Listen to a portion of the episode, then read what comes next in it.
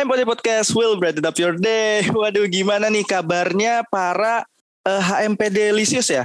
Oh bukan bukan bukan sobat Medika sorry sorry. Semoga kalian semua di luar sana uh, tetap sehat selalu ya dan kita balik lagi nih di episode yang ketiga dari podcast HMPD. Kalau misalkan kemarin di episode pertama kita udah bahas tentang transisi dari pandemi jadi endemi. Terus habis itu di episode yang kedua kita udah bahas tentang LPDP. Nah di episode tiga nih kita bakal agak santai karena di sini kita udah bareng narasumber yang ibarat kata ya uh, sepantaran lah sama kita. Mungkin langsung aja kita sambut Kak Audrey Graciel. Halo Kak, gimana kabarnya? Halo Azam, halo teman-teman HMPD semuanya. Halo halo Kak, mungkin boleh dong Kak. Uh, mungkin kan di sini mungkin ada yang belum kenal kali ya sama Kakak. Mungkin dari Kakak boleh memperkenalkan dari nama, uh, usia mungkin kalau misalkan nggak sensitif ya, sama hmm. mungkin uh, asal uh, jurusan, angkatan dan kelas mana nih Kak kira-kira? Oke deh, kalau gitu aku uh, izin perkenalan ya teman-teman. Kenalin aku Audrey Graciel, panggilnya Audrey aja. Aku dari PSK 2020, angkatan 2020 tadi udah bilang, dan aku dari kelas A nih kebetulan. Oke, halo, salam kenal Kak Audrey. Oke, dari dari Kak Audrey ini mungkin uh, kemarin kita udah sempat memberikan topiknya, yaitu topik kali ini nih Kak Audrey ini agak bukan agak menarik lagi, ini sangat menarik karena topiknya judulnya adalah FOMO atau Fear of Missing Out. Nah, kira-kira kira-kira dari Kak Audrey apa nih yang terlintas di kepala Kak Audrey ketika mendengar kata-kata dari FOMO atau Fear of Missing Out? Iya, sekarang emang lagi marak banget sih ya kayak penggunaan kata FOMO, FOMO gitu ya. Iya. Dan aku sih mikirnya kalau FOMO itu lebih ke rasa kita cemas ya, kayak cemas akan kayak ketinggalan suatu hal, aktivitas atau apa pun itu dan kita tuh kayak uh, dipaksa gitu, kayak terpaksa secara nggak sadar tuh terpaksa buat kayak harus uh, tahu update yang paling update-nya gimana dari teman-teman kita dan biasanya tuh kayak FOMO itu uh, apa ya, Pak lumayan terikat gitu dengan sosial media gitu karena dari situ kan semuanya yang kita bisa kayak uh, tahu apa yang mereka lagi lakuin, tahu apa yang lagi terjadi di luar sana gitu. Jadi menurut aku FOMO itu yang kayak tadi aku bilang uh, persepsi kita kalau misalkan kita ketinggalan itu uh, kita kayak kehilangan sesuatu gitu. Ya betul banget nih Kak Audrey, apalagi kan kita uh, mungkin dari Kak Audrey udah OTW ke tingkat ketiga ya dari perkuliahan dan uh, kayaknya nih kita nih udah melewati masa-masa mahasiswa baru yang mana kita tuh banyak apa ya kayak banyak ikut-ikutan kayak kepanitiaan, organisasi. Nah kira-kira dari Kak Audrey sendiri uh, dulu pernah nggak sih ngalamin yang namanya kayak ah ini kok teman-teman aku pada ikut kepanitiaan, pada ikut organisasi, kok aku nggak ikut apa-apa nih. Aku kayaknya harus ikut ini deh, walaupun kita sebenarnya nggak tahu nih apa yang pengen kita dapetin gitu di situ. Kira-kira dari Kak Audrey pernah nggak? Oke, kalau dari aku sendiri jujur kalau masalah organisasi, masalah kayak kepanitiaan dan uh, kegiatan-kegiatan kuliah kebetulan kata-kata FOMO itu memang sering kayak uh, apa aku FOMO ya, aku FOMO doang ya. Tapi memang yang tadi aku bilang awalnya uh, ngerasa kayak kok teman-teman udah banyak ikut gitu. Tapi lagi-lagi balik lagi kan setelah kita kayak ngerasa uh, kenapa yang lain udah ikut ya pasti kalau dari aku sendiri sih pasti lebih ke mikirin gimana diri aku sendiri. Jadi kalau aku ngalamin FOMO tuh lebih ke mungkin kegiatan eh, kegiatan-kegiatan yang uh, aku nggak bisa lakuin, terutama ya ini ya kalau dari pengalaman aku pribadi ya pas aku tuh di Malang gitu, aku berasa lebih FOMO sama teman-teman aku yang lagi di Jakarta gitu kan. Aku teman-teman SMA-nya uh, di sana ya. Terus kebetulan aku karena uh, kuliah di Malang jadi kan aku harus ngerantau. Nah di situ tuh baru kerasa FOMO-nya kayak uh, mereka bisa uh, pergi-pergi bareng, mereka bisa senang-senang jalan-jalan gitu. Sementara di Malang aku harus belajar, aku harus uh, ya kuliah offline, skill dan lain-lain itu semua uh, kerasanya kayak um, kok um, hidup mereka kayaknya lebih fun, lebih seru ya kan, tuh lebih happy gitu. Nah itu sih kalau dari pengalaman aku jujur uh, kalau kepanitiaan menurut aku justru uh, FOMO-nya itu enggak yang kita bilang FOMO gitu, justru itu lebih kayak memotivasi gitu. Uh, karena memang kita tertarik gitu. Jadi emang penting banget juga tuh ngebedain antara kita emang berminat di situ atau kita cuman FOMO aja gitu. Kalau dari aku pengalamannya justru FOMO-nya justru itu gitu nih Berarti kalau misalkan Kak Audrey ini adalah orang yang mungkin dari awal tuh udah agaknya ngerti nih apa kayak aku join ke sini itu tujuanku ya tipis-tipis lah pengen nyenggol ini nyenggol itu. Mungkin dari Kak Audrey kayak gitu gak sih tipe orangnya? Iya benar. Jadi kayak dari awal tuh aku udah udah lihat-lihat dulu nih ini dari semuanya di sini tuh apa sih yang aku minat apa, di di bidang mana sih yang aku paling suka dan aku pengen uh, benar-benar mendalami gitu. Nah dari situ baru aku emang uh, lakuin gitu. Jadi kalau uh, FOMO untuk kegiatan-kegiatan seperti itu menurut aku ya jangan sampai gitu teman-teman. Karena kan kegiatan-kegiatan itu kan bermanfaat buat kita juga kan. Kalau misalkan uh, dan kita punya tanggung jawab gitu apalagi kepanitiaan dan lain-lain. Kalau misalkan kita uh, justru ngelakuin itu karena kita FOMO nanti kita yang bakal kayak uh, menderita sendiri dan uh, terbebani sendiri gitu. Karena kita nggak melakukannya berdasarkan uh, kemauan kita gitu. Kita ngelakuin karena kita pengen ikut-ikutan doang gitu. Nah itu menurut aku mindset yang agak cukup salah gitu ya gitu. Nah ya ini cukup menarik ya karena uh, jarang banget nih kayak Kak Audrey itu bisa tahu dari awal kenapa pengen join ke uh, sebuah kepanitiaan atau organisasi. Nah dari Kak Audrey sendiri punya nggak sih kayak uh, gimana ya caranya kita bisa ngefilter suatu acara yang kayaknya kalau kita join nih kita interest gitu di dalam hal itu. Kalau dari Kak Audrey mungkin punya apa ya punya sebuah cara khusus atau gimana? Mungkin bisa dijelasin Kak? Oke, okay, kalau untuk menentukan gitu, kita sebenarnya interest di situ atau emang cuma sekedar FOMO. Kalau dari aku sebenarnya lebih ke uh, kita fokus aja nih sama diri kita ya. Kita fokus uh, apa sih yang kita cari gitu di uh, perkuliahan ini, terutama di kedokteran ya. Uh, kita tuh apakah emang kita mau mencari pengalaman ya, relasinya, atau kita mau mencari ilmu-ilmu yang uh, ada di dalam kegiatannya. Nah itu semuanya menurut aku sendiri uh, penting banget gitu. Kayak kita nentuin skala prioritas kita gitu. Nah setelah kita itu uh, dari situ kita bisa kayak memfilter yang tadi kamu bilang kayak kalau misalkan acara ini memang punya manfaat buat aku sesuai dengan apa yang aku cari aku bakal ikutin. Tapi kalau misalkan ternyata acara ini eh, nggak uh, terlalu sesuai nggak relevan sama apa yang aku cari dan ternyata cuman uh, bikin aku capek dan menghabiskan waktu, menghabiskan waktu aku gitu. Dan sebenarnya waktu itu bisa berharga banget buat hal-hal yang lebih penting uh, dalam skala prioritas aku gitu. Jadi misalkan aku uh, lebih suka uh, mencari acara-acara yang uh, langsung turun uh, tangan ke masyarakat gitu ya kayak uh, volunteer dan lain-lain maka dari itu aku bakal ngambil acara-acara yang kayak ada open volunteering atau misalkan lagi uh, memang uh, acaranya tersebut merupakan acara pengabdian, aku bakal pilih cara yang situ. Dan kalau misalkan aku lebih suka acara-acara yang minat bakat gitu ya, yang uh, seperti webinar atau mungkin ada kayak charity concert dan lain-lain yang memang uh, banyak juga kan di FK, aku bakal lebih ke arah situ. Jadi memang sesuai aja sama uh, kemauan kita yang sejak awal kita uh, udah minati dan memang itu yang kita cari dan pengen kita dapetin selama peng, uh, pembelajaran kita atau perkuliahan kita nih di FK gitu. Kalau aku selama ini sih gitu.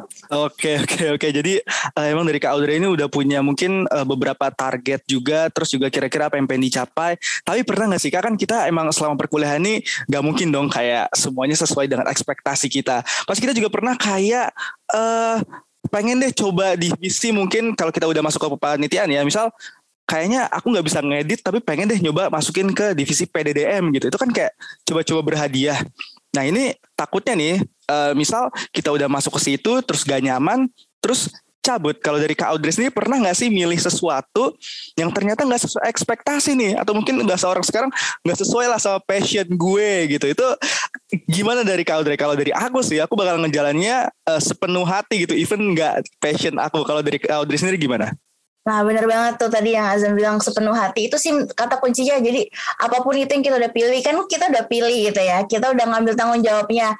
Walaupun ternyata nggak passion tapi kalau misalkan kita lakuin sepenuh hati menurut aku tetap ada gunanya. Jadi nggak sia-sia gitu uh, apa yang kita udah lakuin tuh kan kadang mikirnya kayak duh males banget nih ngerjainnya karena nggak sesuai sama passion aku. Kayak ngapain aku lakuin nggak ada gunanya. Tapi sebenarnya banget kalau kita lakuin kayak Azam tadi sepenuh hati itu pasti ada gunanya. Apa pun itu walaupun nggak passion ada aja pasti ilmu yang bisa kita ambil, ada aja pengalaman yang uh, bisa kita dapetin dari eh, kesempatan-kesempatan yang kita ambil walaupun sebenarnya kesempatan itu nggak sesuai gitu sama uh, kemampuan kita atau mungkin sama uh, minat kita selama ini yang kita tahu dan justru menurut aku ya kalau misalkan uh, kita ngelakuinnya dengan sepenuh hati itu justru kita kayak bisa um, apa ya memperluas uh, kapabilitas kita gitu loh. Jadi kayak uh, ngembangin diri juga gitu. Jadi kita nantang challenging ourselves kalau sebenarnya kita juga bisa loh ngelakuin hal-hal yang awalnya kita nggak tahu kita bisa lakuin gitu. Oke, jadi kayak mungkin kayak kita bisa nemuin uh, apa ya tembok-tembok baru yang tadinya kita kira kita nggak bisa, tapi ternyata kita bisa gitu kali ya Kak Audrey ya. Betul banget.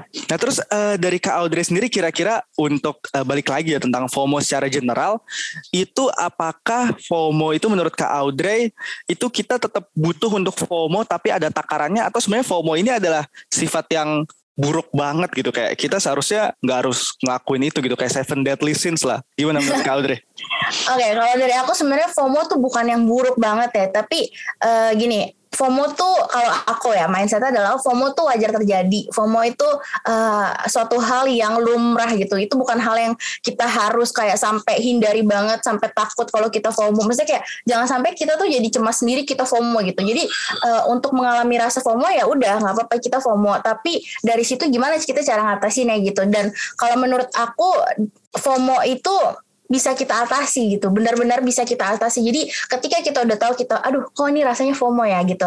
Berarti kita udah harus tahu apa sih step selanjutnya supaya kita nggak ngerasain hal yang uh, sama terus dalam waktu yang lama. Karena itu cukup mengganggu produktivitas dan cukup mengganggu banyak hal kan. Jadi uh, menurut aku penting banget buat tahu cara ngatasin FOMO-nya itu sendiri gitu Oke, berarti dari Kak Audrey, uh, kalau misalkan kita terkena FOMO dan kita nggak sadar sama hal fo sama FOMO tersebut, mungkin itu bisa sangat mengganggu produktivitas ya Kak Audrey ya?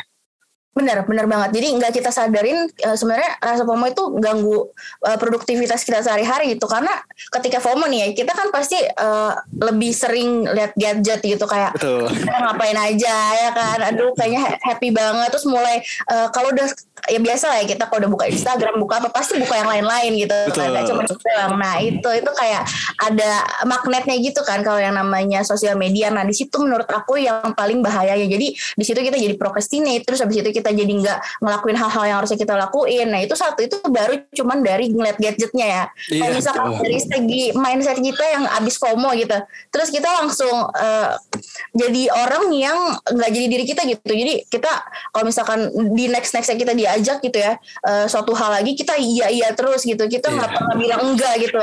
Dan dari situ tiba-tiba nggak sadar udah kelewatan gitu kan. Tapi udah diambil tanggung jawabnya atau kegiatannya gitu. Atau uh, misalkan pun sekedar pergi sama teman. Tapi kayak uh, udah kita bilang iya terus dan lama-lama juga uh, akhirnya kita jadi nggak sesuai dengan awal awalnya cipta kapasitas kita gitu. Terus habis itu juga kalau misalkan emang konteksnya pergi ya terus kita selalu bilang iya selalu bilang ayo gitu. Selalu mengiyakan semuanya deh. E, nanti bisa juga dari segi financial kita gimana? Kalau misalkan kita sebagai anak kos gitu ya terus kita pergi terus ya kan? Kita akhirnya ngeluarin uang yang ngelebihin kemampuan kita. Itu kan menurut aku cabang dari dampak FOMO ini banyak banget. Jadi emang harus tahu banget gimana sih caranya ngatasin FOMO gitu. Dan itu menurut aku juga cukup berbeda tiap-tiap orang. Jadi jangan jadi yang namanya yes person kali ya kayak ya. kayak ya, kita iya iya iya tapi kita nggak tahu nih kira-kira yang kita iya ini tuh seberapa berat gitu beban yang kita pikul. Mungkin kayak gitu ya kayak Audrey ya. Betul. Dan itu tuh uh, menurut aku ya kayak untuk nggak jadi yes person itu tuh butuh uh, waktu juga nggak sih kak kayak ya mungkin kita awalnya kayak uh, salah satu contoh kecilnya adalah SKK kayak kita iya iyain semua biar SKK kita full ya kan? Emang itu butuh waktu gitu. Nah mungkin dari Kak Audrey sendiri nanti mungkin akan ada mahasiswa-mahasiswa baru atau mungkin angkatan 2021 yang dengerin tentang uh, podcast FOMO ini kira-kira mereka nih yang lagi ngejalanin apa ya yang lagi merasa di dalam fase bahwa mereka FOMO ke banyak hal. Mungkin dari Kak Audrey ada saran atau mungkin tips buat dia bisa keluar dari zona perfomoan ini Oke deh kalau tips ya buat kecuali uh, terutama tadi yang teman-teman mahasiswa baru ya yang masuk ke FK dan uh, lagi uh, dalam fase FOMO ini. Nah, menurut aku tuh yang paling penting tadi selain tips aku yang pertama fokus sama diri kita sendiri, terus juga mungkin ada tips-tips lain kayak jangan terlalu banyak buka gadget dan sosial media dan kayak ya bersyukur aja gitu sama hidup kita supaya kita nggak banding-bandingin sama orang. Tapi penting juga tahu untuk situasi kita di FK ya terutama di FKUB yang ada yang namanya SKK.